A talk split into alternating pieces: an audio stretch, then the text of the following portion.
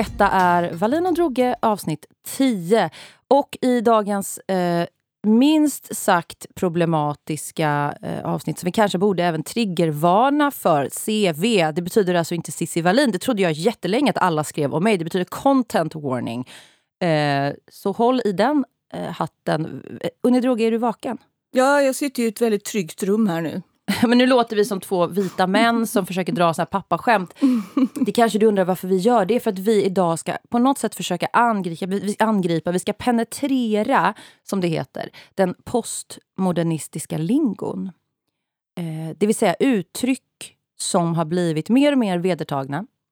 Och inte bara i filterbubblor i sociala medier utan som har letat sig in i det akademiska språket, Eh, i, jag menar, Socialstyrelsen skickar ut liksom information på deras sajt. När ungdomsmottagningar skriver saker, när myndigheter helt enkelt, när staten informerar sina medborgare så finns det x antal begrepp som nu har blivit väldigt populära att använda. Och vi tänkte gå igenom dem lite grann sådär och försöka förstå vad kommer det här ifrån? Vad betyder det? Och finns det ens en poäng med att använda de här orden? Vad gör de för och med människor?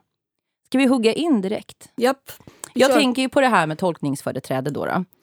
Eh, det kan ju vara eh, kanske internets eh, just nu mest eh, inflationsdrabbade begrepp.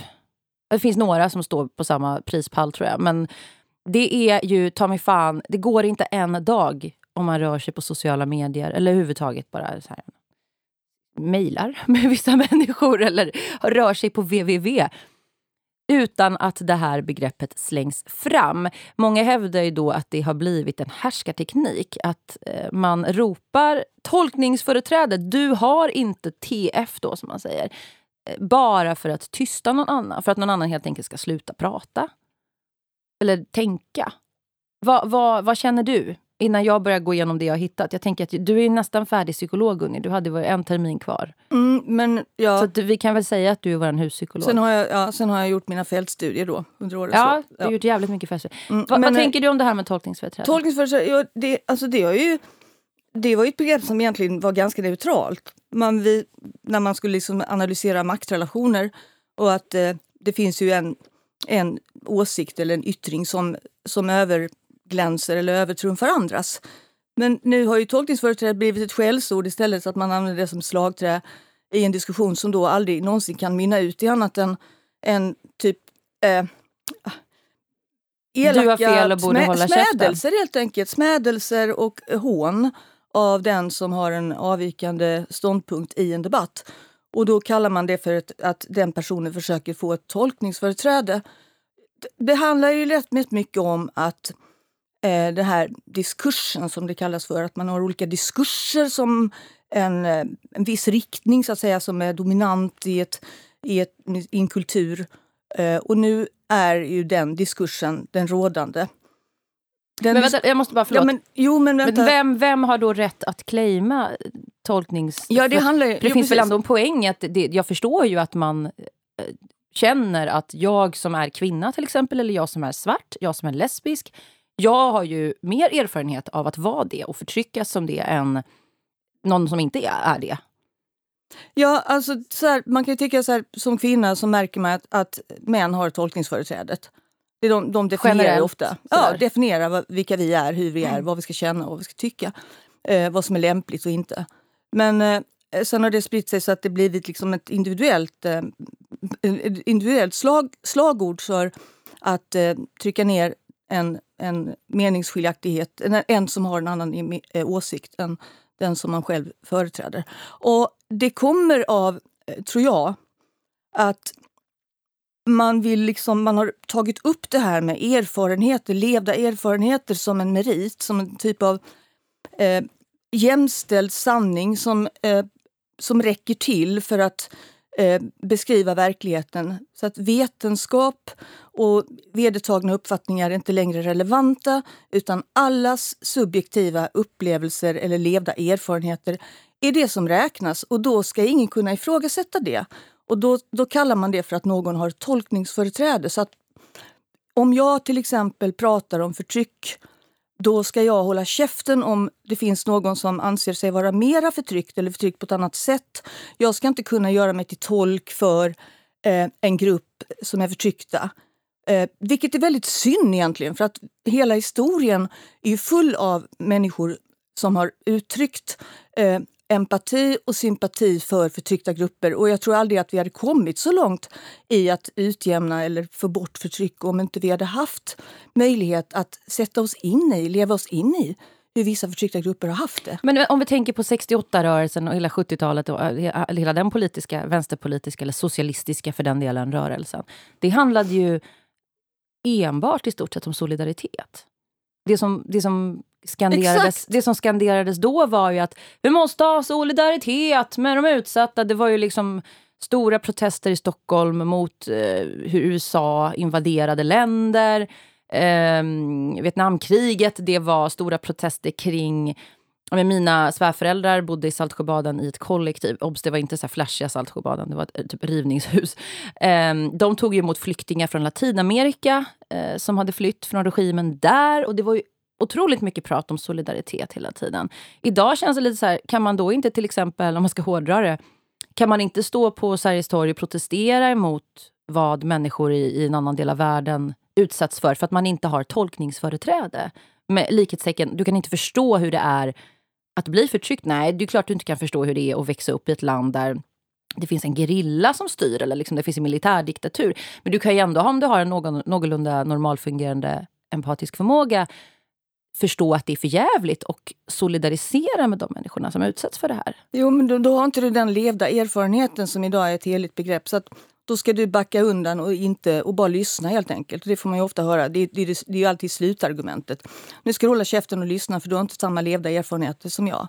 Men det, jag har läst lite eh, vad, eh, vad folk med tolkningsföreträde i olika frågor tycker. Nej, men framförallt en, en jättebra person som har ett konto som heter Stulen identitet. Jag tror inte att den här personen är eh, publik, så jag vet inte vad hen heter på riktigt. Men eh, hen skriver i alla fall om eh, ehm, eh, adoption. Det är en adopterad person själv som då är väldigt kritisk mot adoptionsindustrin. Och det kan man ju vara. Men har stört sig då på att det pratas mycket om tolkningsföreträde. Då skriver hen, jag tror att det är en hon, men, om problemet med tolkningsföreträde. Det handlar inte så mycket om vem som talar, utan om vad som sägs och framförallt varför det sägs. Stirrar inte blinda på föreställningar, eh, föreställningar om tolkningsföreträde som facit för etiska ställningstaganden. Istället borde vi titta närmare på från vilka positioner och med vilka intentioner vi uttalar oss. Vad är vårt mål? Vad är det vi försvarar och varför? Vad vill vi åstadkomma? Det var väldigt fint. Ja, det var väl en ganska bra eh, så säga, öppning. Men Eh, jag... ja, det här är utifrån perspektivet adoption, då, att det finns så himla mycket åsikter om det är bra eller dåligt. Ja, eller... men man måste inte... Alltså min, min absoluta åsikt, övertygelse är att man måste verkligen inte kunna veta exakt och ha levt i en annan människas kropp så att säga för att förstå ett förtryck den personen har utsatts för. Nej, jag undrar lite vad, vad drar man... Det är väldigt också selektivt var man drar gränsen. Att till exempel Black Lives Matter nu som är jättebra på många sätt. Eh, där förväntades ju den rörelsen solidaritet av alla, vilket de fick ju väldigt mycket solidaritet i hela världen, eller har fått och får fortfarande. Eh, men vi vet ju inte hur det är att vara svart, men vi kan ändå lägga upp en, ett inlägg där vi säger att I support liksom, Black Lives Matter, eller jag tycker att det här är viktigt och bra. Men sen finns det ju enskilda individer inom alla eh, rörelser eller grupper som tycker att så fort någon som inte tillhör den här gruppen tar lite för mycket plats eller bara uttalar sig på något sätt, då ska man backa för man har inte tolkningsföreträde. Så det är väldigt selektivt när det här tolkningsföreträdet gäller och när det inte gäller. Och så ska andra ha koll på det. Till exempel jag som kvinna kan ju tycka att män tar alldeles för mycket plats och pratar för mycket. Men jag kan ju inte heller slå en man på fingrarna varje gång han ut, uttalar sig om någonting som handlar om feminism eller jämställdhet. Eller så här, ja, jag tycker kvinnofrågor är viktigt. Dup, upp, upp, du har inte tolkningsföreträde. Det är jävligt godtyckligt. Ja, det, det, jag kan... det betyder ju ingenting. Det här ordet betyder ju ingenting. Nej, men det är också, det är också en, ett sorts eh, det blir en sorts eh, kulturkrig då eh, som splittrar grupper och det är ett sätt att att stänga in sig i någon slags identitet. För det handlar väldigt mycket om identitet. Att man har en viss identitet och det är den man ska kunna vara talesman för. Eller kvinna, mm. talesperson för. Jag, jag, jag kommer ihåg alltså den absolut bästa, bästa boken. Läs Vredens druvor. Alla som inte jag har läst Vreden av John Steinbeck, Vredens druvor. Ja, jag har inte det, läst den men jag vet att den finns. Den är alltså, det är den bästa eh, skildringen av ett förtryck och varför en viss grupp blir förtryckta och hur det förtrycket gestaltar sig. Och det är likadant när det än sker, mot vilka det än sker och av vilka det äger rum eller utgår från. Men vi ska, tack för boktipset. Jag, jag är ja, lite magister alltså här. jag måste bara, vi måste men nej, jag, måste för, jag måste bara eh, dra, dra slutsatsen dra av det. slutsatsen. Den person som skrev den boken, eh, det är John Steinbeck alltså, han är, var nobelpristagare. Han växte upp, alltså en vit man, växte upp i en patriciervilla. Och eh, man kan tycka han var väldigt privilegierad. Men han tog ställning och han levde sig in i, som författare kan, det är deras uppgift, hur exakt den här gruppen han beskriver hade det. Vilken grupp beskrev han? Det var alltså de här som mellanvästern, det var de här som hette Okies som, var, som drevs, fattiga arrendatorer som drevs från gård och grund av giriga jordägare och tvingades på flykt. Och, och han hade eh, inget jävla te för det kan man ju säga. Nej, alltså han hade ju inte, han hade ju verkligen bara studerat. Han, alltså det, är så, det, det glöder, hela det, hela det eh, Hela den romanen bara glöder Men den hade inte ens fått släppas idag. För idag hade en massa x antal woke-människor hävdat att Nej, nej, nej. Den här boken kan dels så här profitera på deras ut, utsatthet. Vad ja, man tycker då, appropriera. Och dels att så här, nej, men den här boken måste ju skrivas av någon av dem själva. Ja, men det har ju inte hänt. Och det, det är det som är så viktigt att man då... De kanske låter... inte har tid att sitta och skriva en bok. Och nej, det är inte alla som kan det. Det är, hela tiden. det är inte alla som kan.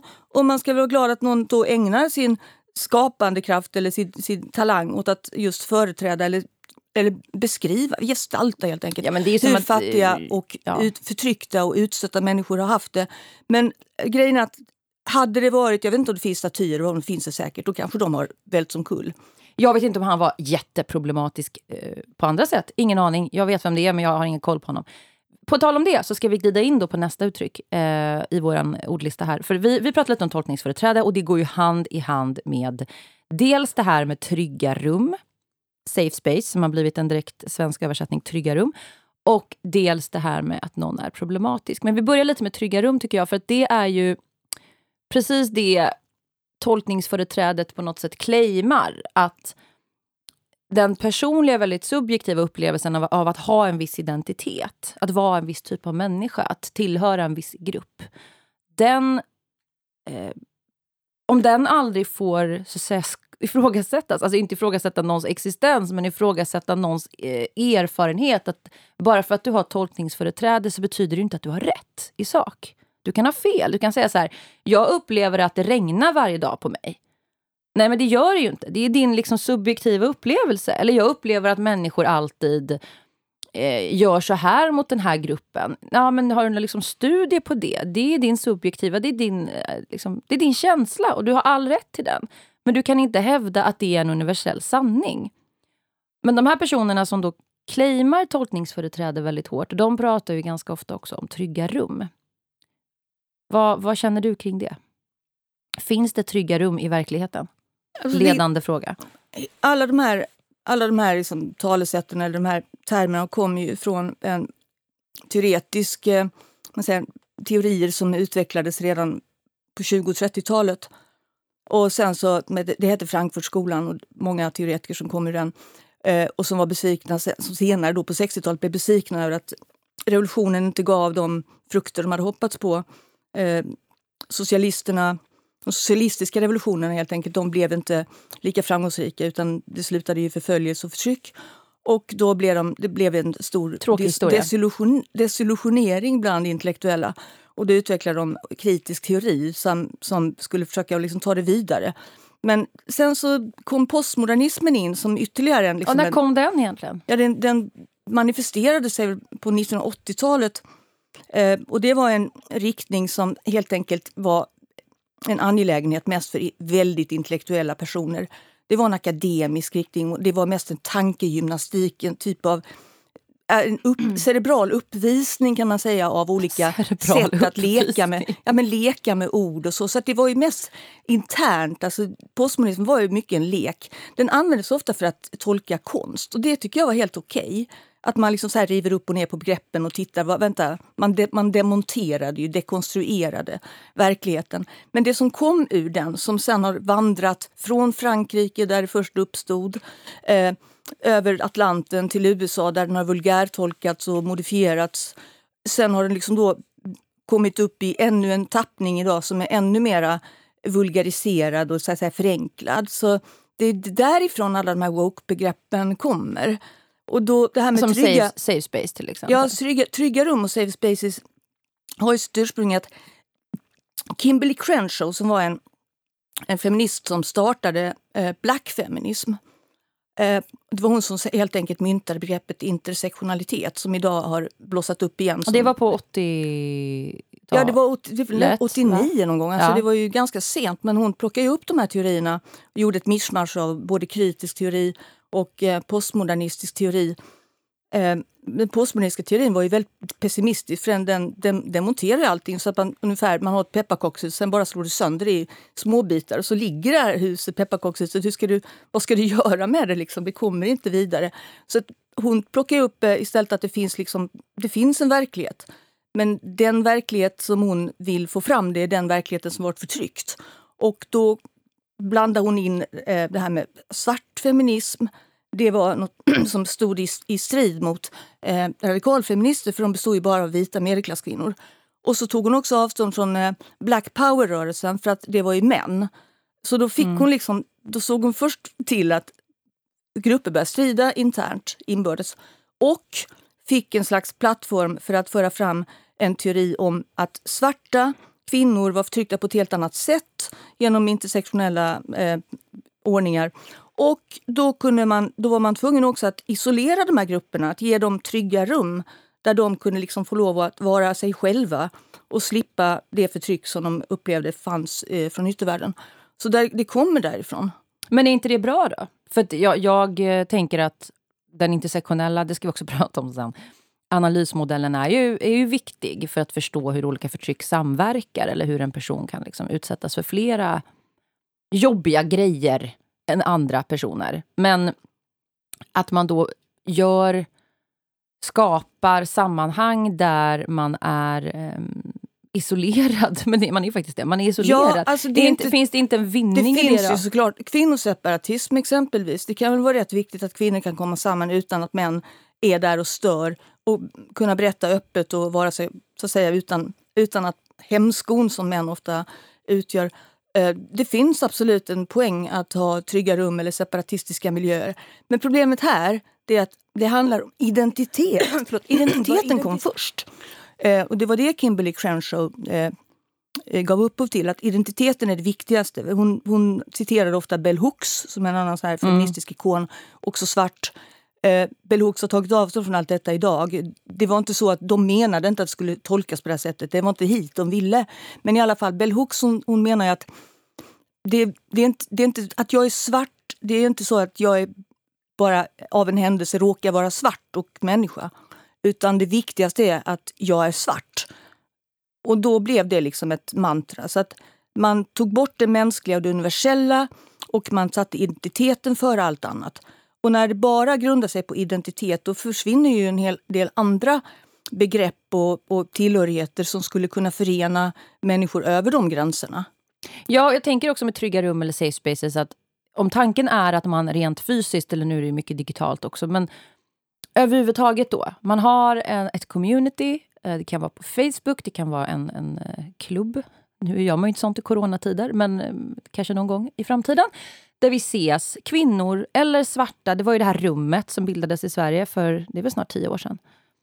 Ehm, eller eh, ja, lesbiska, hbtqi, heter det nu, personer.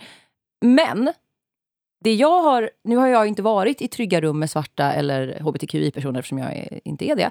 Men det jag vet från kvinnoseparatistiska rum och även vad personer jag känner som tillhör de här grupperna har berättat eh, om de här slutna trygga rummen är att det blir ju alltid konflikter och massa söndring ändå i de här grupperna. För det är en helt befängd idé att alla svarta kvinnor i, i, den här, i det här communityt, säg att de är hundra, hundra stycken eller tusen stycken. Det är klart att de är inte en homogen grupp. Där alla fungerar likadant, där alla har likadana analyser, där alla har likadan levd, verk, eller levd erfarenhet. Där alla har samma eh, sätt likadant sätt att se Nej, på världen och förtrycket. De kanske inte gjort sin intersektionella läxa ordentligt och, och sett vilka olika tillhörigheter de har i övriga avseenden, till exempel klass, eh, bakgrund, härkomst, alla såna... Ja, men du, kan ju vara, du kan ju vara en kvinna som är uppvuxen i den, oavsett om du är svart eller vit eller queer eller inte, som kan vara uppvuxen i den översta överklassen. Eh, adopterad, liksom, bott på Öster, Östermalm hela ditt liv. Du kan vara en ensamstående trebarnsmamma som på det yttre ser ut som en privad vit cis som man säger, kvinna. Men det, det funkar inte så. Verkligheten funkar inte så. Och därmed kan man inte heller applicera idén om trygga rum eller safe spaces i verkligheten. För det, verkligheten är inte trygg. Och ska vi då bygga de här kuddrummen för varann? Kvinnoseparatism är jättebra. Jag vill ha mer kvinnoseparatism. Jag fattar att svarta eller queers vill ha sin separatism. Men att när verkligheten blir för jobbig kräva att verkligheten ska anpassa sig och bli som ett det här är inget tryggt rum. Nej, en arbetsplats är väldigt sällan det.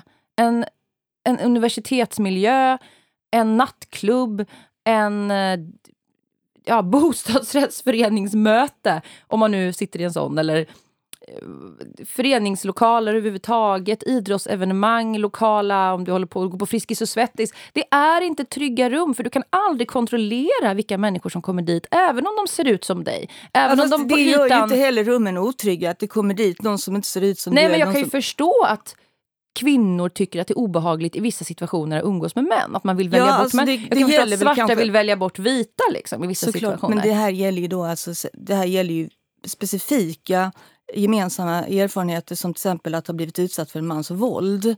Och då kan det ju vara vettigt att de här kvinnorna får slippa att se män i de sammanhangen där de ska berätta om exempelvis sexuella övergrepp.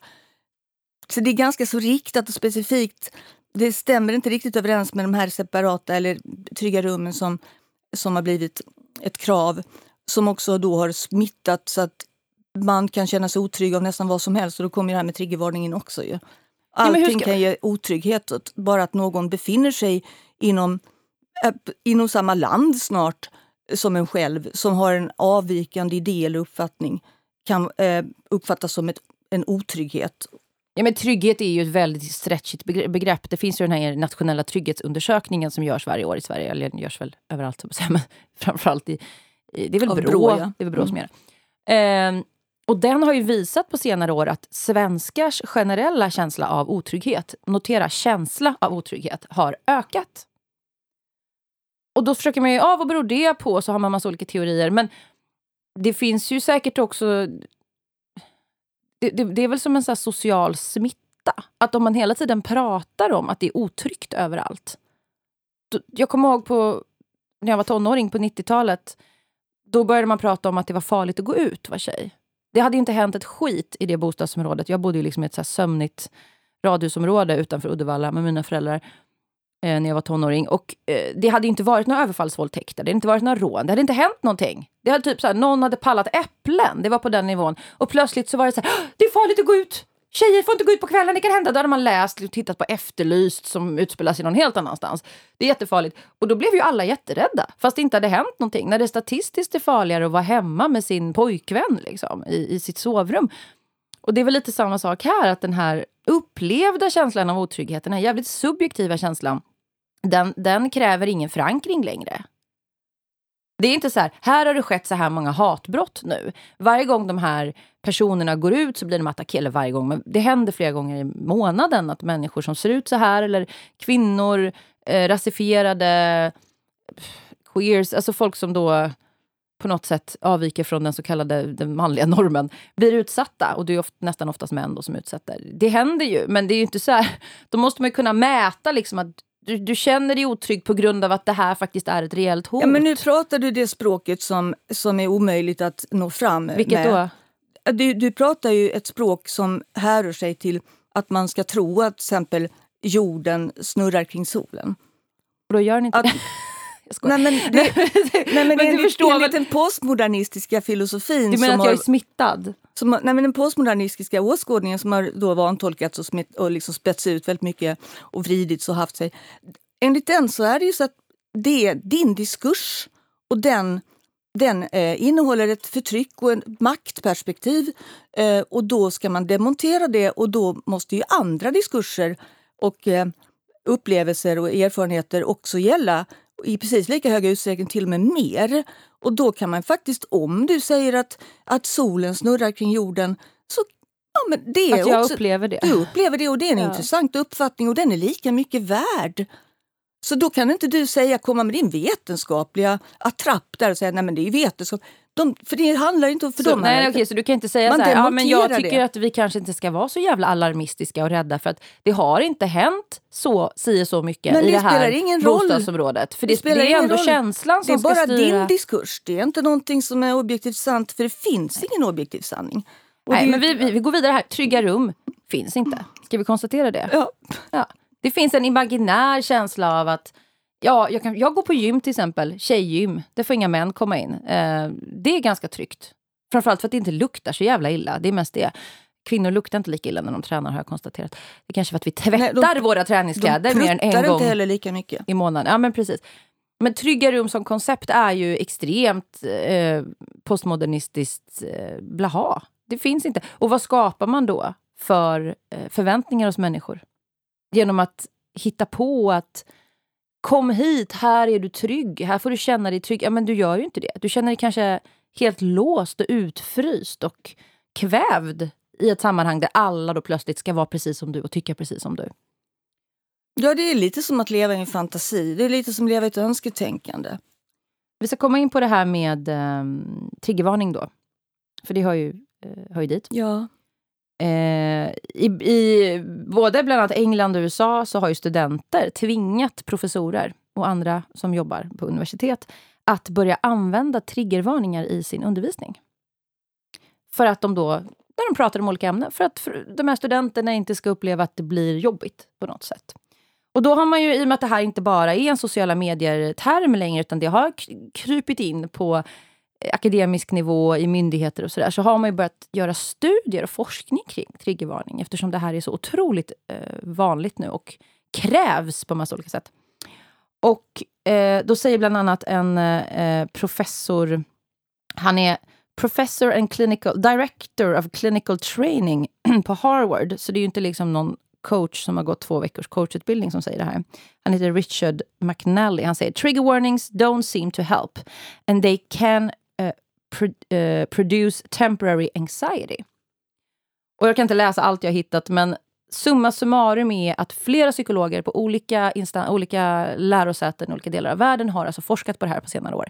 Funkar triggervarningar, alltså då att säga TV eller CV, triggervarning eller content warning för eh, en, en text man ska läsa som innehåller någonting som kan vara jobbigt. Det kan vara övergrepps, beskrivningar av ett övergrepp. Det kan vara eh, Eh, beskrivningar av våld överhuvudtaget. Det kan vara, nu har det till och med gått så långt att det är så här, beskrivningar av eh, viss, eh, eh, vissa kroppsfunktioner som människor tycker är äckligt. Det är äckligt att läsa om bajs, det är äckligt att läsa om mens, det är äckligt eller jobbigt på något sätt. Det är, det är jobbigt att läsa om eh, eh, andras olycka, andras sorg.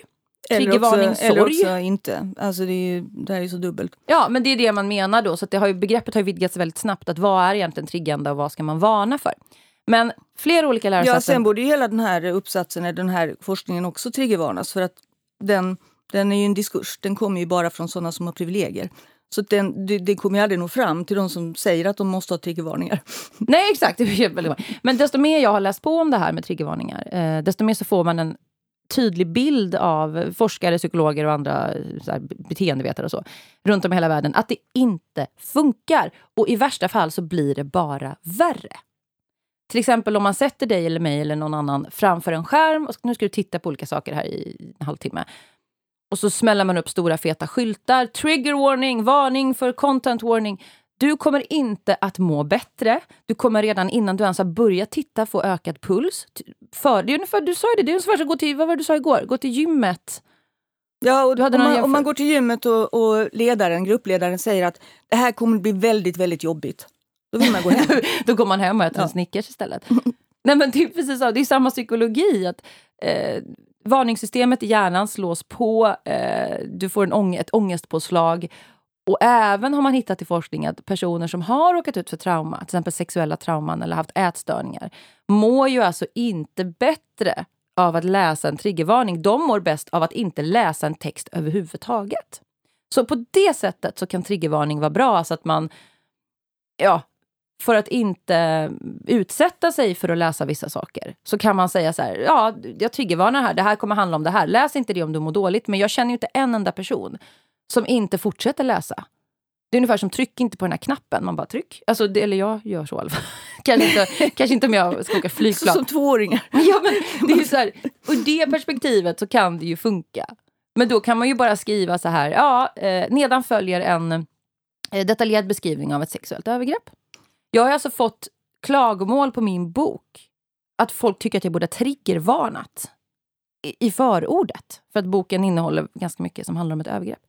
Är det sant? Ja. Jag har fått några sådana mejl. Ja, jag läste din bok, jag mådde skit. Jag tycker du borde ha triggervarnat. Ja, men boken handlar ju om en våldtäkt. Mm. Bland annat. Det står ju på baksidan. Då får du väl inte läsa den. Får du väl läsa Madicken istället. Liksom. Eh, nej, förlåt. Jag förstår att det kan vara jättejobbigt att läsa om saker. Men poängen är med triggervarningar att det finns inga studier whatsoever som jag har kunnat hitta i alla fall som styrker att det här fungerar, att det finns ett syfte med att jo, köra det, inflation i det, det här begreppet. Det finns ett syfte, men det är någonting helt annat. Ja, vad är det då? Det är det som har att göra med, med det som vi pratade om från början, det du så fyndigt uttryckte var postmodernistisk lingo. Alltså, det är det här med språket, att när den här postmodernistiska teoribildningen kom till så handlade den väldigt mycket om hur vi använder vårt språk och att språket bara är ett uttryck för makt. Så allting vi säger, ett bord, en stol och allt vi sitter, vi sitter här i en soffa, det är egentligen ett uttryck som döljer liksom maktförhållanden. Och då ska man då dekonstruera språket och då ska man också rena språket från otrevliga element som uttrycker makt. Och det var ju mm. det syftet faktiskt man trodde att människan skulle liksom så renas så att vi ska bli liksom upphöjda. Vi ska helt enkelt bli wokade. Woke betyder då att man liksom vaknar upp. Så det ska vara ett uppvaknande från de här diskurserna, det här orena språket som bara uttrycker makt. Och då använder man språket, ska försöka rensa språket från otrygga eller triggervarningar då, eh, som uttrycker just den här makten och farligheten och göra det rent. Och där börjar ju förtrycket. Det är ett hot mot yttrandefriheten. Det är därifrån det kommer. Men syftet är ju att vi ska ta bort alla de här maktuttrycken och språkets... Vi ska liksom avmaskera språkets eh, behov av att kontrollera andra. Och då ska vi förbjuda de delarna av språket. Och då ska vi ge företräde åt de språkliga varianter eller språkliga uttryck eller beskrivningar som inte har fått komma till sin rätt. Mm. Det, det är där allting börjar. Och då får vi alltså, vad det har slutat med och vad vi är på väg mot idag, det är alltså ett, ett hot mot en av de viktigaste demokratiska grundvalar vi har, nämligen yttrandefriheten. Mm, och det, det kommer vi in på nu. Jag ska bara, en sista bra grej som en eh, forskare, eh, en psykolog som har ehm, eh, forskat väldigt mycket under senare år. Är på... det en vit man? Eller? Nej, det är en kvinna. Eh, hon heter, hon jag kommer inte ihåg vad hon heter nu, för jag, det, var så mycket, det, var, det var så mycket information som jag skrev ner kring det här. Men skitsamma, det här är i alla fall liksom, det här citatet är vedertaget och man sammanfattar den forskning som finns på triggervarningar och de, de studier som finns. I think trigger warnings uh, are a bit of a sticker fix. We have this mental health problem and people go, just slap a trigger warning and it's fixed. Fixed, but it's not fixed. Så hon ringer ju in det här Vad med då att, fixt? Vad menar hon med det? Nej men att om du, om du skriver triggervarning då är det som att då kommer du inte må dåligt längre. Eller då, då kan du kontrollera ditt dåliga mående. Mm. Eller då kan du kontrollera liksom att du eh, ja, tar del av den här informationen men i och med att du blir varnad så kan du på något sätt mentalt förbereda dig på att det ska bli jobbigt. Men hjärnan fungerar ju inte så. Nej, men det här är ju en form av censur kan man väl säga. Ja, och, och det är också så här, då kommer vi in på individualismen som vi ska prata om, eh, som vi ska prata om också, som, har, som ligger som ett lapptäcke över allt det här. Att, eh, min tes är väl att Ja, just det, vi ska göra så här. Förlåt. Vi ska komma in på nästa begrepp och så ska jag väva in individualismen i det, för det är nämligen problematisk. Och min tes är att pr problematisk är det nya eh, sättet att säga att en person till och med, eller en fråga eller en vinkel på någonting är komplext. För bara några år sedan så sa man det är komplext när man pratade. De men det menar man ju inte idag. Nej, men komplex är ett ganska värdeneutralt ord. Det betyder mm. ju liksom bara att det är, ja, det är precis vad det betyder. Det finns många olika bottnar i det här, det är mångfacetterat, det finns inte en vedertagen enkel... Svårt! Man det är svårt, så. Det är ja. svårt. Det är, svårt, det är problematiskt, det är, det är, svårt. Men problematiskt är ju någonting annat. För att när du säger att, en, att bara överhuvudtaget prata om en fråga eller ett ämne eller att en person som gör det, oavsett vem den personen är, är plötsligt problematisk. Då kommer vi in på individualismen. För då är ju den totalt så postmodernistiska psykosen att när individualismen står över kollektivet, när jaget och rätten till att hela tiden få sina känslor eh, validerade, för det är det det handlar om. Mm. Som du sa innan, att det handlar inte om jorden, eller om jorden snurrar kring solen eller tvärtom. Utan om jag känner det så är det ändå så. Spelar ingen roll vilken fakta det finns, spelar ingen roll vilken forskning det finns. Nej. Och då när jag då väldigt praktiskt dubbar dig till problematisk som en individ, för individperspektivet är ju jätteviktigt, viktigast av allt. Då är du det. Det är inte så att någon kan säga ja fast jag håller inte med, jag tycker inte Unni är jätteproblematisk. Det är ju din åsikt. Nej men jag tycker det. Och då kommer någon tredje woke människa som står bredvid och har varit tyst hela tiden och säger så här. Ja men du måste ju ändå lyssna här. Lisa här kanske har tolkningsföreträde på att Unni är problematisk och så är du det och så är det vedertaget. Du, det räcker att en person dubbar dig som problematisk i den här individualismens liksom, sekterism så, så är det sant. Och då ska du inte bara... Du ska be om ursäkt du ska ändra din åsikt. Du ska göra någon slags avbön, analys som går ut på att du rannsakar dig själv offentligt. Så jag, jag ber verkligen om ursäkt för att du tyckte att jag var problematisk. Jag kan fan inte ens be om ursäkt för något jag inte har gjort. Och jag kan inte gå in i din hjärna. Du kan tycka att liksom människor som har fula skor borde utrotas men du kan inte gå runt på gatan och förvänta sig att de ska bli skjutna.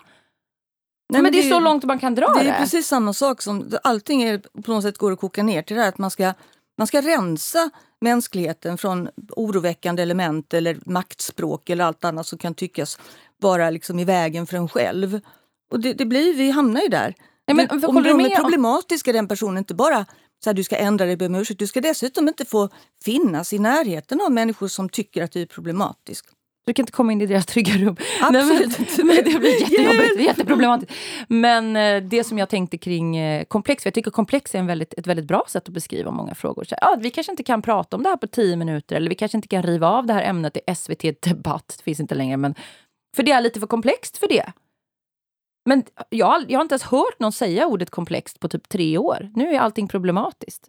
Eh, eh, tycker att Men jag problematiskt har en, är ju vägladat. Det är en negativ term. Man säger något är komplicerat. Då, då, bara konstaterar man att det har många facetter och aspekter. Det kräver att man tränger ner i det och det tar lång tid att analysera det. Men problematisk har ju bara blivit ett slags sätt att säga att någon, någon är eh, olämplig. Och, och persona non grata. Du ska inte bli problematisk, det är fel på dig. Du passar inte in här. Nej, men det kan väl också vara vad gäller att ta upp olika frågor eh, i, i, olika sammanhang. Och eh, det här att man, man tänker någonstans att i en, i en demokrati och sådär när vi har den här så kallade yttrande, yttrandefriheten så, så utvecklas vi av att diskutera, vi utvecklas av att prata med människor som inte tycker som en själv. Men den diskussionen dör ju väldigt snabbt om man nu bara slänger i ansiktet på någon. Du är, eller den här frågan överhuvudtaget, är för problematisk för att ens bemötas. Då är det färdigt. Och så lite trigger warning på det och så lite du har inte tolkningsföreträde. Det kan ju få nästan vilken människa som helst att bara resign. Liksom. Vilket också sker. Men för att det har ju utvecklats ytterligare en term som har liksom, så att säga, växt fram i, tillsammans med de här eh, idéerna och den här eh, synen. Eh, och det är ju eh, mikroaggressioner och det är ju samma sak där att ett, mikroaggressioner finns i själva språket så det är inte så att du riktar någon aggressivitet mot någon utan mikroaggressionen ligger inbyggd så att om du till exempel frågar en person som har en annan hudfärg Var är du född? Då är det en mikroaggression. Och, men det, det handlar väl det helt ju... om hur man frågar, eller? Nej, Eller hur det, ofta nej, man det, frågar. Nej, det är liksom. själva språket, det ligger inbyggt i språket anses det då. Av de här. Så då, då, har du, så då, då är det mikroaggressioner som också de här eh, ömtåliga människorna, snowflakes som de också kallas, nedsättande, utsätts för. Det är mikroaggressioner för det, och det ligger i språket. Så då ska vi, rens, vi måste ren, helt enkelt rensa bort så mycket som möjligt ur den mänskliga floran och faunan. Istället för att inse att mänskligheten är ganska queer som den är. Vi är rätt så konstiga och alla är liksom, verkligheten är rätt rörig. Nu ska jag, ren, jag ska göra en ren ordentlig och den ska vara genomskinlig, vi ska se allting. Och då ska ju vissa grupper som har utsatts för den, den dåliga verkligheten få företrädet att bestämma vilken del av verkligheten som ska vara synlig. Resten ska försvinna. Jag läser här på Näthatshjälpen. Det är väl någon sajt för kids tror jag, men den verkar ändå vara ganska... Det är väl någon statligt finansierat. Jag ska kolla vad det är sen, men det verkar inte vara någon trollsida i alla fall. Mikroaggressioner är ett subtilt nedvärderande beteende i ord, handling eller förhållningssätt som riktar sig till personer som diskrimineras. Det är ofta förklätt som humor eller komplimanger men uppfattas ofta som hotfullt kränkande eller avståndstagande eh, av de personer som utsätts. Beteendet kan verka harmlöst i betraktarens ögon, men för personer som utsätts för mikroaggressioner är det uttröttande och stressande. Mikroaggressioner utgår från att allt som avviker från normen är exotiskt eller sämre, vilket genererar ifrågasättanden, komiska utspel och kommentarer. Alltså det här förstår jag ju eh, helt och hållet, att det är skitjobbigt att ha ett afrohår och någon ska ta ja, på det sluta. hela tiden. Är det så himla hemskt att ha ett afrohår? Nej, men att folk ska hålla på och pilla det i håret. Det handlar väl om helt andra saker. Nej men det handlar ju om att jag man tar sig... Jag var jätteavundsjuk på alla som hade afrohår när ja, jag var yngre. men strukturellt måste du förstå Men det är väl inget handlar... strukturellt med ett afrohår? Jo, hårets struktur Nej, men att de ut. som har afrohår blir väl betydligt, jag vet inte om det finns någon statistik på det, men jag bara går på vad jag har hört. De blir väl betydligt oftare eh, liksom påhoppade av människor som ska ta på deras hår. Det är fan aldrig någon som ska ta på mitt hår. Och det är ju integritetskränkande såklart. Ja, Sen det, det, är, inte, det, det, är inte det som menas med mikroaggressioner. Det, men, det är ett exempel. Ett nej, exempel nej, inte på att någon tar på ens hår. Jo, det är det. Det, det, var någon, vad heter hon nu då? Hanna har glömt vad hon heter. Hon var med i P3 häromveckan. Hon berättade att det kunde vara ett exempel på ja, mikroaggressioner. Ja, visst för att allting har blivit mikroaggressioner. Och det, jag, jag, måste ju ändå bara avfärda allt detta med att säga om det är vårt stora problem, att vi utsätts för mikroaggressioner som är inbyggda i människors bemötande, då har vi inte så mycket problem. Eller så kan man säga att mikroaggressioner i så fall bara är vanliga jävla trötta fördomar som människor behöver jobba på. Att det ingår i det konceptet. Eller, eller? också inte. Det kan vara det, det kan inte vara det. behöver inte vara det. Det är till exempel det här vanliga. Om, om någon som någon, nu råkade det kanske vara, vi behöver inte uppehålla oss kring hudfärg för det händer ju även då någon som bara ja, men. Kvinnor som får höra en, tjej, en, en, sny, en söt tjej som, som håller lysande föredrag och så kommer någon fram och säger du är ju väldigt duktig på att uttrycka dig. Då är det en mikroaggression, kan man tolka det som. För att då förväntar man sig att, att tjejer ska prestera lägre och inte vara så smarta. Alltså, men det är inte alls säkert att det är så, utan det kan ju faktiskt vara en helt ärligt menad komplimang. Ja, alltså språket idag är ju eh, väldigt hårt hållet. Jag läste ett exempel då som inte har med hudfärg eller med ja, det har med kvinnoskap att göra. Då. Jag läste på, på ett ganska stort Instagramkonto så var det en tjej som hade uttryckt sig om abort häromveckan. Och då hade hon skrivit att jag kan inte citera nu, men, men poängen var att hon skrev att många gör ju abort för att de känner att de inte kan bli bra mammor. Att de, att de kommer bli dåliga mammor. Och därför, för att man inte vill bli en dålig mamma så tar man bort det här fostret. Och folk blev rasande på henne och tog det ytterst personligt och krävde ursäkter. Och där pratades det också i något sammanhang om att det var en mikroaggression. Att hon liksom hade genom att insinuera att alla kvinnor eh, som eh, ja, till exempel har sämre förutsättningar att bli mammor, alltså sämre ekonomi, ensamstående, ingen fast bostad, är dåliga. Men då tänkte jag så här, man kan ju vända på det här och se det som att är det inte ganska sexistiskt att utgå från att alla kvinnor per automatik, för att vi är kvinnor, kommer bli bra föräldrar? Det finns ju massa dåliga mammor. Det är inte så att kvinnor biologiskt är eller i så fall har det inte drabbat mig, biologiskt är bättre föräldrar än män. Jo, kvinnor är faktiskt ädlare varelser. Vi är rena. Ja. Nej, men det blir så jävla tramsigt. Så här. Fan ingen mikroaggression. Hon, ut, hon uttryckte sin tanke.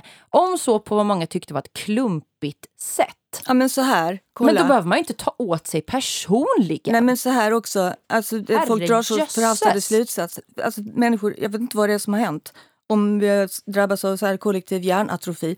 För att om no någon, jag förstår precis vad man menar. Googla hjärnatrofi, jag vet inte vad det betyder. Nej, men förkrympt hjärna, men alltså att ja, förtvina. Liksom, för att vi inte använder den på rätt sätt. Men i alla fall, eh, om man tänker sig så här, om man säger så här, jag tog bort eh, det här fostret för att jag var rädd att det skulle bli en dålig mamma och det är nog vanligt. Det kan ju vara så att man blir en sämre mamma om man till exempel inte kan ha en, en trygg inkomst. Om man ska fostra ett barn alldeles ensam utan ett bra nätverk omkring sig. Det finns alla möjliga saker som gör per definition dig själv till en sämre mamma. Det betyder inte att du är en dålig människa. Utan det, beror, det, betyder, det betyder egentligen att du i ett annat sammanhang, i ett annat läge, hade kunnat bli en väldigt bra mamma. Man måste inte sätta så mycket värderingar och attityder i någonting som man skulle kunna utveckla till att ja just det, rent objektivt så är jag i de omständigheterna just nu att jag skulle inte bli en bra mamma. Nej, och sen, det, nej det är väl total sanning. Det är väl inte så att folk som gör abort generellt... Bara, jag, skulle, jag såg verkligen fram emot, eller det finns ju de som blir tvingade till abort också, men om man säger av fri vilja. Jag såg verkligen fram emot att få, få fostra det här barnet och gud vilken underbar mamma jag skulle bli. Men just nu har jag lite, lite ont om tid. Alltså jag tror att de jag som, skulle inte bli en bra mamma just nu. Nej, just nej. nu funkar det inte för mig. Jag vill inte, jag orkar inte, jag kan inte, jag har inte möjlighet. Då blir man ju ingen bra morsa. Sen om man ändå föder det här barnet så kan det väl lösa sig ändå. Man kan få bra stöd och hjälp. Men folk är enormt individ individualismen är så enormt bara söndrande för debattklimatet eh, överlag. Att man inte... Nej, men jag tänker också på det med, med mikroaggressioner. Att det finns en poäng i det kanske, men ska människor generellt, oavsett vad de har för intention, väga vartenda ord de säger till en annan medmänniska på guldvåg? Att om man råkar fråga någon Oj, var kommer du ifrån? Eller oj, men Hoppsan! Nej, men jag det var ett exotiskt inslag. Ja, nej, men det, det, är väl, jag har ju tänkt till och lärt mig och lyssnat, och, lyssnat på dem med tolkningsföreträde. Men det är inte det första jag frågar. Men om jag lär känna någon som jag vet har en annan bakgrund än en etnisk svensk, som det heter. Då kanske jag efter ett tag när vi har pratat frågar så här, vad intressant, vad har du för rötter? Mm. Är det en mikroaggression? Då, då får väl, det, det, måste ju ligga hos den personen att säga så här, vet du vad, jag är skittrött på den frågan. Ah, Okej, okay, fine.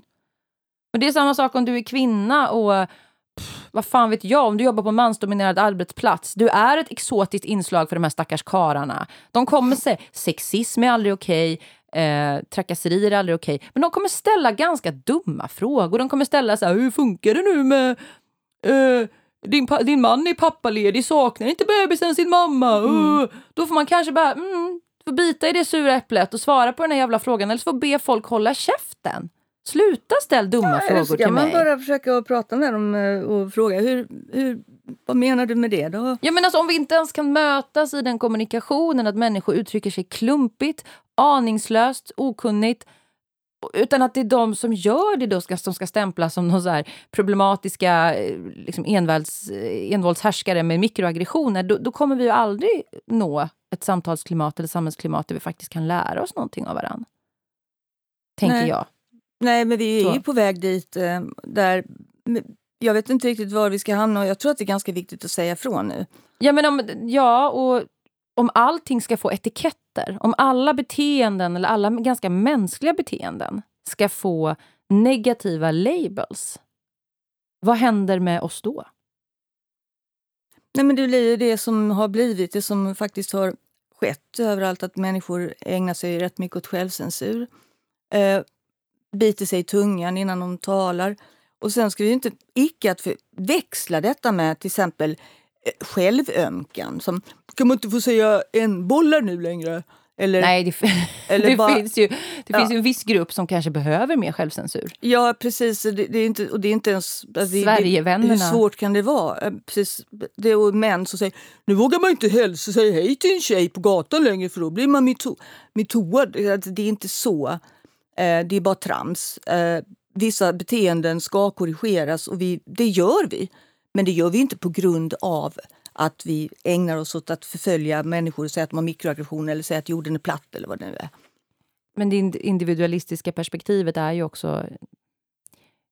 Jag pratade med en kompis om det igår. Som är, han jobbar med rekrytering. Jag gjorde lite alltså, det är ju ingen, Det är min empiriska studie. Det är ju ingen undersökning. Men han sa att... För jag frågade honom så här, hur är det nu att anställa generation Z? Ett helvete! Han bara, citera inte mig med namn på det här. Nej, Johan Persson. Nej, han heter inte det. Men eh, Men hans upplevelse var ju bara att den här yngre generationen finns ju fantastiska ambitiösa personer som är födda på 90 och 00-talet, absolut, det vet vi ju. Men det, det, finns, han sa, jag har sett en trend, han har jobbat med det här ganska många år, att arbetsplatsen och arbetsmiljön innan man ens har fått jobbet. På intervjun så handlar det om vad man har för krav på arbetsgivaren. Och då menar jag inte helt rimliga krav, typ kollektivavtal eller schysst lön eller att man typ inte ska bli inlåst som den här Apotea-vdn gjorde. Utan mer så att man har väldigt mycket frågor om vad, liksom, hur, hur ska jag kunna jag vet inte om någon har frågat om trygga rum, men typ på den nivån. Att så här, jag som individ är så speciell och mina behov och mina tankar och mina känslor är så speciella så att om inte ni som arbetsgivare validerar det, då, då, då kan inte jag jobba här. Och det blir väldigt svårt, även om man är en schysst arbetsgivare och en liksom, schysst arbetsplats, att möta 10-100 personers personliga preferenser hela tiden. För de här personerna som hävdar envist att eh, liksom någon är problematisk eller att det ska vara trygga rum, det ska triggervarnas. Hur ska det funka för dem på, en, på ett vanligt jobb? De jobbar på ett äldreboende, de jobbar på en ett, de jobbar med ekonomi på ett kontor, de jobbar i en affär där det kommer in kunder varje dag. Ska de sjukskriva sig så fort någon sa något plumpt eller så fort någon inte håller med? Det blir jättejobbigt. Ja, Nej men på riktigt, hur ska det, hur ska det gå när deras föräldrar har lärt dem att de är mest de speciella i hela eh, världen ja, och alltid har rätt? Föreställa då, föreställ dig då att en arbetsgivare eh, inte tolererar att de sjukskriver sig för att eh, de upplevde att någon sa någonting som de tolkade som kränkande eller såg någonting som de inte ville se.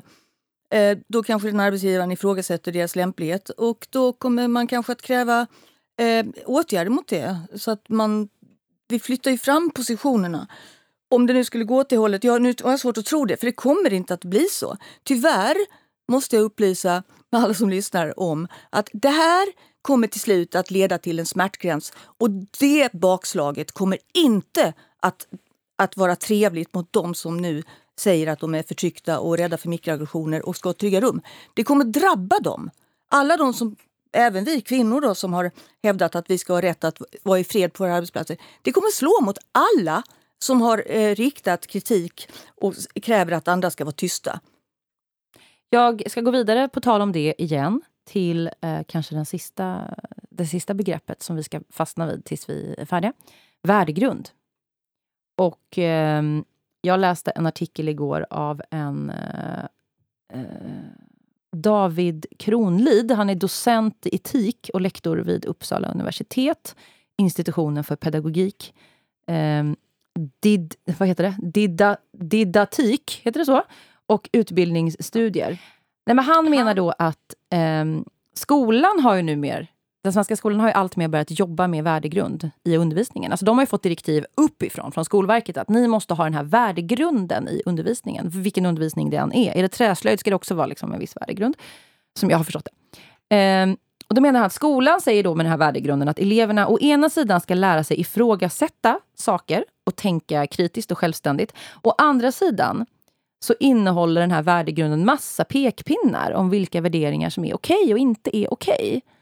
Och det blir väldigt svårt för elever som kommer från miljöer, hemmiljöer, där man har tveksamma värderingar då som inte passar i den här värdegrunden. För att kommer från ett hem som är väldigt främlingsfientligt.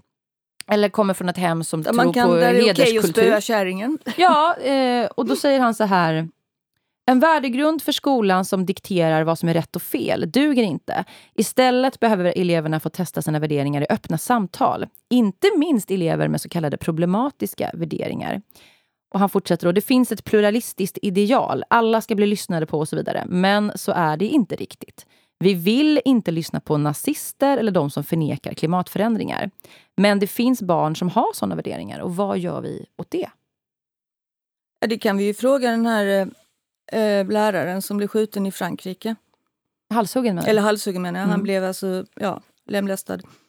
För tyvärr är det kanske där vi ska... Vi ska kanske gå, gräva ner oss lite grann i den problematiken. att Hur långt ska vi gå i toleransen? Dels för att då inte stå upp för en värdegrund.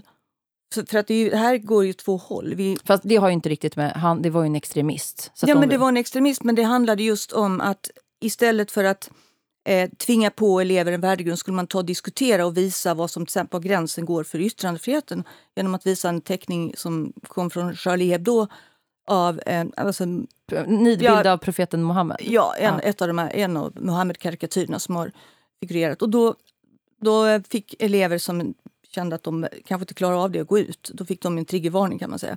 Mm. Men det gav ju upphov till ett eh, våldsdåd som sen spred sig vidare. Men vi, vi måste, det finns ju liksom någon slags tveksamhet inför det här. Att, vad ska vi då göra? Om vi säger att vi ska öppna upp för samtal istället så att alla åsikter kan få luftas och sen ska argumenten mötas och då ska man kunna liksom samsas om en, ja, om ett vettigt, liksom vettig konsensus. Det är väl det som är den demokratiska principen egentligen. Men när det står inskrivet i värdegrunden menar han då att då prackar man på elever någonting som de inte har fått, de har inte fått pröva sina tankar än emot det. Men det finns ju något fas, fa, säger man i det, att man säger så här ska du tänka. Det här är rätt. Det gör ju det samtidigt som det är viktigt att ha demokratiska grundprinciper. Sen ska inte de vara så detaljerade så att det blir som en slags eh, övergrepp mot den, det universum som de själva har och kommer ifrån. Men allting som strider mot de demokratiska grundprinciperna ska ju kunna ifrågasättas.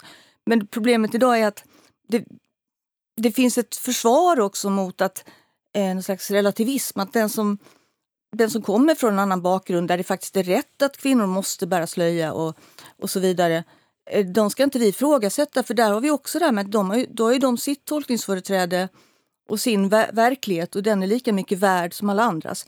Men vi måste välja någonstans vilken väg vi ska gå. Ja, men i sko vi, kan, vi kan bortse från skolans värld, för skolan ska ju vara objektiv. Skolan ska ju presentera information till elever och eh, utdela kunskap och fakta som man sen ska få lära sig att värdera på olika sätt och vara källkritisk såklart. Allt sådär. Men i, i, i liksom världen i stort, värdegrund har ju blivit ett... Eh, jag vet inte om du har sett Jens Ganman som är ja, journalist och satiriker och sådär. Han har ju haft en t-shirt där det står “Våga vägra värdegrund” på. Ja. Och han kommer ju undan med det för att han är snubbe. Ja, och sen är Folk hade ju typ dödat mig. Ja. Jo, men han, jag tycker han är lite rolig. Men, men... det kan vara lite roligt ibland, men det är lite hö-hö. Liksom. Jo, men, men det är ju... Han, han jobbar ju fortfarande åt SVT. Och, SVT, och han har ju varit i en ganska het, het debatt med Jan Helin som är programdirektör på SVT. Det finns på Youtube man kan kolla på. Där oh. de pratar lite om det här med värdegrund. Vad är det? För SVT har ju också en värdegrund. Sveriges Radio har en värdegrund. Många företag idag har införskaffat en värdegrund myndigheter jobbar, när du ska söka pengar, Alla bidrag. Mm. Ja, och det är väl jättebra att man har en gemensam, man har, man har gemensamt i denna sal beslutat att i det här landet, Sverige, så tror vi på det här. Vi gör inte så här mot varann. Det är ungefär som tio Guds eh, bud, liksom, med, med vissa korrigeringar. Men problemet blir ju när människor avviker då från den här gemensamma liksom, pluralistiska värdegrunden. Va, va, vad är bestraffningen? Ja, men det är också vem är det som, vem bestraffar man? Det, vissa får tydligen avvika. Det är inte riktigt rättvist det där. Bedömningen vem, av, vem, vem får avvika nej, men om mer? Det, det här, då kommer ju alla de här begreppen eller de här, de här olika analyserna och verktygen in. Att man ska till exempel titta på vilken makt, om det finns några förtryckta grupper som strider mot värdegrunden. De är förtryckta, därför ska man skydda dem. Så det, det, blir så konstigt också för att Medan exempelvis en grupp som det har gått bra för, som har varit en av de mest förföljda i världshistorien, nämligen judar. De bryr man inte sig så mycket om ifall de ska ju du menar att jag, jag gick inte så bra då, men det går bra nu? Ja, alltså, de har ju, de har ju verkligen... Ja, de, är, gått bra för det, de är ju lukrativa, alltså, de är bra på business. Eller är det en fördom? tänker du? Det var lätt lite antisemitiskt. Lätt lite antisemitiskt. Jag tänkte mig hur du tänkte. Nej, jag tycker att... Jag menar bara... Ja, det har gått bra för dem för att de har klättrat i samhällshierarkin och skaffat sig ofta bra positioner genom att de har låtit sina barn vara, vara noga med att deras barn ska gå i utbildning och gå i skolan och sånt där som inte alla, alla förtryckta grupper har ansett lika viktigt. Det finns olika skäl till det, men i alla fall har det gått, judarna har ju alltså positionerat sig ofta eh, i samhället. Och då, då är det, det är inte synd om dem. Så att det, vi, vi värderar liksom olika vilka grupper som ska skyddas mot att skyddas från att strida mot värdegrunden. Det finns en del vi tolererar att de gör det. Tolererar bättre eh, bara för att vi tycker att det är synd om dem, helt enkelt. Ja, det är väl lite män i en sån grupp som eh, när män begår dåd mot kvinnor eller män i grupp begår... Ja, det kan väl inte för att tycker män är en förtryckt, förtryckt eh, del av Nej, men det finns ju män som är... Jo, alltså, då tycker man ju det. Det blir den här relativismen att eh, eh om det är eh, män som är eh, så socialt utsatta, från socialt utsatta områden då finns det en, förklarings, ja, då, nej, då, då finns det en förklaringsmodell. Att, Absolut. Jo, men de här männen kontrollerar ju kvinnor och förföljer och gör det här och det här och det här för att de liksom är socioekonomiskt utsatta. Ja, det finns det ju många kvinnor ja, men är som är. Exakt samma sak som Men de menade. gör ju inte mm. det. Kvinnor... De männen, ja precis. Den gruppen av män som man anser ha eh, svårt svår bakgrund och, och vara lägst ner på samhällsstegen som exempelvis ensamkommande. Hela den här diskussionen som skedde kring en nyårsnatt i Köln för flera år sedan. Just det, när en massa då, kvinnor blev utsatta ja, för Som ifrågasatt och som, som fortfarande tvistas om var det så eller var det inte så. För det var ju män från Afghanistan, tror jag, framförallt eh, unga män alltså, som hade ja, tafsat och förgripit sig på tjejer, eh, tyska tjejer. Och det blev tystat. Och det var diskuterat väldigt... Det diskuterat Hur blev det tystat? Ja, det var, medierna ville inte riktigt eh, dra upp det och sen så var det några som blev arga då såklart för att... Det var känsligt kan man säga. Ja, det var känsligt och det är mycket sånt som kan vara känsligt för att man vill inte piska upp rasistiska fördomar eller rasistiska pogromer. Men problemet med det här är ju samma sak som jag var inne på tidigare att då är det synd om den lilla... Nu är jag inte människan, män generellt, jag tror du menar män generellt, men den här gruppen män... Nej, jag menar att man, vissa grupper av män ja. då, som andra för någon slags talan åt, där, ja. där, eh, har man en, där avviker man från den här gemensamma ja, värdegrunden. Hade det varit män som hade varit anslutna till SD, då hade det varit en annan fråga.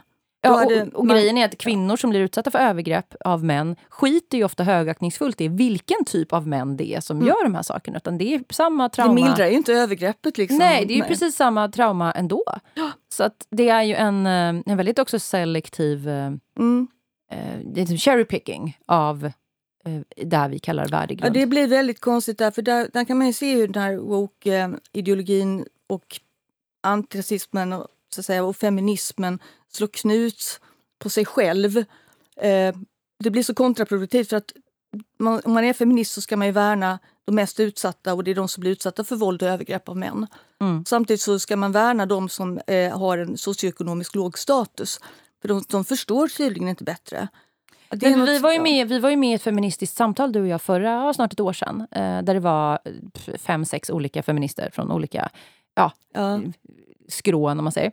Och då, det var ett jättebra samtal. Eh, sen var det en av, som jag, en tjej som är väldigt woke, eh, som var med. Hon, hon, jag kan inte citera henne exakt, men hon sa någonting, du var ju med också så du kanske minns. Hon sa någonting om att så här, ja men vi måste ju förstå att svart... Nej, det var det här med syskonskap. Nej, hon det? sa ju också det att rasifierade män förtrycks ju oftare av kvinnor än tvärtom. Något sånt sa hon. Jag ska inte, ja, ska inte ta gift på att hon sa det. Men det, var, det var i alla fall. Jag, jag blev helt så här, va? Och så frågade jag, vad menar du? Nej, men då menar hon liksom att generellt då så rasifierade män i Sverige eh, är... Det är inte så att liksom de förenklat kan ingå liksom i det här patriarkala förtrycket mot kvinnor, utan kvinnor kan minsann förtrycka dem minst lika mycket ungefär. Ja. För att de inte är vita, eller för att de är utsatta, för att de är invandrare, för att de är, har en, eh, en, en liksom tuffare bakgrund än de här kvinnorna. Men det håller inte jag med om. Alltså, patriarkalt förtryck är ju patriarkalt förtryck. Så att om någon av de här männen hon då syftar på skulle våldta dig eller mig eller henne, finns det liksom ändå en...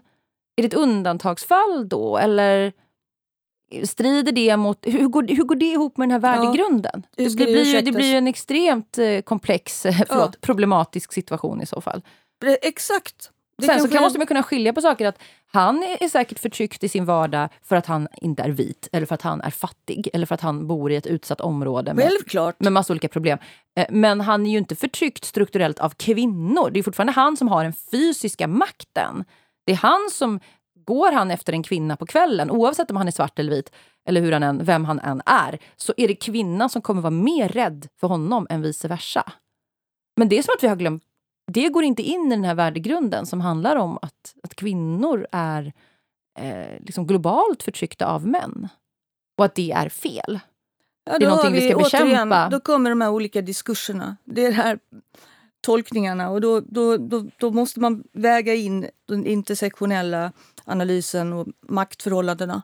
Och då, då hamnar man ju alltid fel. För de, man måste välja ut den som är utsatt i ett visst läge. Det är ju unga tjejer och det är alltid unga tjejer. Unga tjejer, jag bara säger, det är alltid de man offrar. Ja, Då är liksom är vem som helst mera värd. Vilken förövare som helst är mera värd. Även om de står på samhällsbotten är de mera värda. Men det ser man ju, om man går tillbaka till skolans värld, att skolan står och predikar värdegrund som de har fått liksom ett papper från Skolverket. Det här ska ni tycka, det här ska ni lära ut. Vilket är bra saker de säger såklart. Allas lika värde, hejsan svejsan. Men när en ung tjej i högstadiet blir våldtagen på en skoltoalett, vilken kille det än är som gör det, vilken bakgrund han än har, så är det ju väldigt ofta så att den här tjejen är den som offras. Det är hennes värdighet, det är hennes upprättelse som inte är värt någonting. Det, Då det finns så... det ju ingen värdegrund. Då, betyder, då är den bara ett luftslott. Vi ska inte förstöra för den här snubben. Han har ju fått eh, plats på gymnasiet, han måste ju få gå kvar i Ja, han har säkert någon diagnos också. Det är jättehemskt. Ja, det är synd om sabba för honom nu. Alla med ADHD våldtar ju folk, det vet vi också. Uh, vi ska avrunda. Uh, jag... Vi ska väl avrunda med vår egen värdegrund då. Ja, vad har, du, vad har, har jag någon? Jag tror inte jag har någon värdegrund. Har du ingen värdegrund? Nej, jag har ingen värdegrund. Jag är helt platt. Har du ingen moral? Tom. Jag är helt tom. Är du inte moralist? jo, jag är väldigt mycket moralist.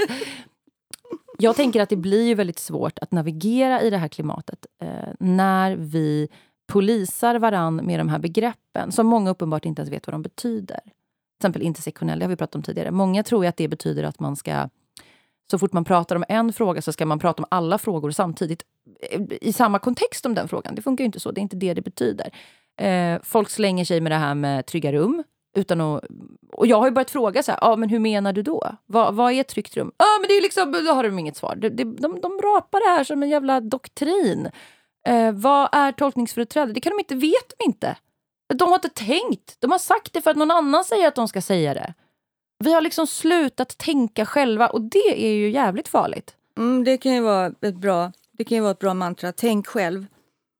Har du någonting du vill tillföra här Nej, till jag bara, värdegrundsprotokollet? Jag bara, ja, värdegrundsmässigt så tycker jag väl att... Har du någon värdegrund? Ja, det har jag ju. Eh, vissa principer. Men jag tycker bara...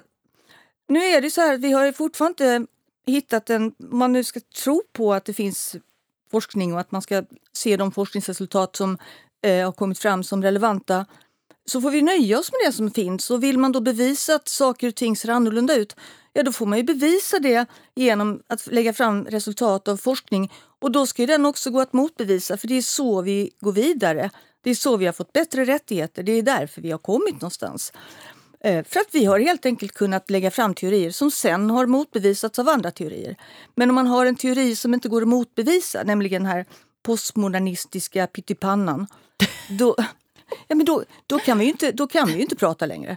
För då är allting sönderhackat. Då är det pyttipanna. Nej, men om den, enskilde, om, om den enskilda individens ständigt subjektiva upplevelser ska vara rådande konsensus, det blir väldigt jobbigt då. Att överhuvudtaget... Det blir alla alla, liksom, alla. Ja, då får ju alla isolera sig. Det gör vi för redan, men även från, då får man logga ut liksom, och bo i stugor i skogen och driva ett eget litet jordbruk ja, själv. Småskaligt bra. Och alla är i sin egen lilla grupp. Ja, då går vi tillbaka till någon sån här eh, vad heter det, eh, när man fick en liten plätt av staten eh, för att odla på. Mm.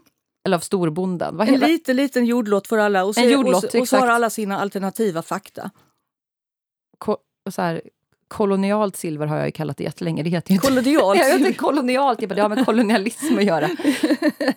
Postkolonialt silver. Postkolonialt silver. Om man dricker så blir man ren inifrån och ut eh, avslutningsvis skulle jag vilja säga så här, och våga uppmana till det att snälla kära människor, våga ifrågasätta varandra eh, utan att då bara problematiskt, utan så här, hur, man kan alltid ställa frågan, hur menar du då? Ja. Men att faktiskt orka och våga skita i att umgås med vissa personer, att dra sig ur vissa grupperingar där du känner att det här totalt har eh, imploderat. Att du, du, kan inte umgås i en grupp där alla är så rädda och är med och bygger det här offeraltaret där man själv sen också kommer bli offrad för att man är oren eller problematisk eller inte liksom tillräckligt eh, har tillräckligt liksom, eh, rena och sanna och eh, renläriga värderingar. Dra dig ur, du befinner dig i en sekt.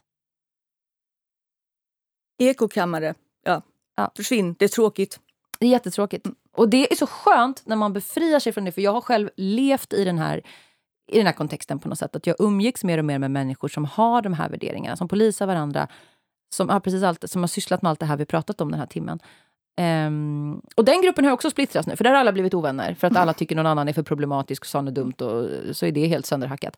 Men det var så skönt när jag bröt mig fri och så här... Kommer du ihåg när Marcus Birro, jag umgås inte med honom så det har ingenting med mig att göra, bara kom och tänka på det. Marcus Birro åt lunch med en sverigedemokrat. Ja, som det. var hans kompis, vem det nu var. Och det blev ramaskri, för han jobbade på typ TV4 och skrev för någon tidning då och sådär. Och då ska alltså människor, så här, vad jag än tycker om Marcus Birro, du får fan äta lunch med vem du vill. Jag, är människor jag sjuka till och med i huvudet? Jag kan till och med kan äta lunch med Marcus Birro. Exakt, jag kan dra mig så långt jag kan äta lunch med Marcus Birro. Bara jag får ta en jävligt stor stark till så klarar jag det. Men då, och han kommer bli läskad då, han är ju nykter alkoholist. Ja, ja exakt, det var taskigt mm. av mig. För att orka med och lyssna på honom. Mm. Nej men, där! Det här hände ju, för det var ju fan tio år sedan. Där började det på något sätt. Det var liksom, nej det var inte det som satte igång alltihop. Men det, för mig är det en sån där milstolpe. Att efter det så blev jag på allvar rädd att hamna på bild med så kallade fel mm. människor. Du vet man är på något mingel, nu är man ju inte på det men när man var det. Man, man träffar någon, man, man kanske till och med är trevlig mot någon som är, har jättesunkiga värderingar för att man inte är en osympatisk människa då ska det användas emot den. Tänk om det här fångades på bild. Det var någon som smygfotade när han satt och käkade lunch med någon SD-gubbe. Vem fan mm. bryr sig? Han kanske satt och skällde ut den här SD-gubben över hans värderingar. Det vet ju inte vi. Just där då. Jag har ingen aning. Kan, kan, kan det ju faktiskt vara så att man kan ju till och med ha en god vän som har SD-värderingar eller, eller har klättrat inom det partiet. släkt som har det. Ska jag liksom ja. inte fira jul med dem då? Nej, eller? men det, tycker, det var ju så ett tag att man skulle säga upp bekantskapen med folk som inte... Det är bättre att säga emot då, eller så pratar man om något annat. Liksom. Alltså, så, länge, så länge vänskapen är ren från äh, att försöka liksom tvinga på någon annan ens egna upp, upp, vad heter det, ens egna ståndpunkter så räcker väl det. Men känner du dig, jätteavslutningsvis, vi kan aldrig avsluta. Det. Nej, vi måste Nej, sluta men jag måste säga en sista fråga. Avslutningsvis, känner du dig ren från att du nu i den här postmodernistiska pyttipannan kan umgås med vem du vill, kan förekomma på bild med vem du vill. Du är inte rädd längre? Det har jag aldrig varit rädd för faktiskt. Vad skönt! Då ligger du före mig. Du har lyssnat på Valin och Droge avsnitt 10. Gå in och följ oss. Vi har en egen Instagram nu. Den heter Valin Droge i ett ord. Eh, där kan du önska ämnen och lyssna på gamla avsnitt och så vidare. Eh, bli Patreon. Gå in på Patreon och sök på Valin ja, men Droge. Gör det snälla, ni måste ja, göra vi det. Måste ha, vi har typ nio Patreons, det här funkar inte. Ni måste, måste, jag måste ha mitt attefallshus. Ja, vi samlar ihop ditt attefallshus. Annars kommer jag lägga, komma med lyftkranar till din tomt. Vi har hotat med det ganska länge. Ja. Tack för att du har lyssnat. Vi hörs igen nästa vecka. Hej då! Hej då!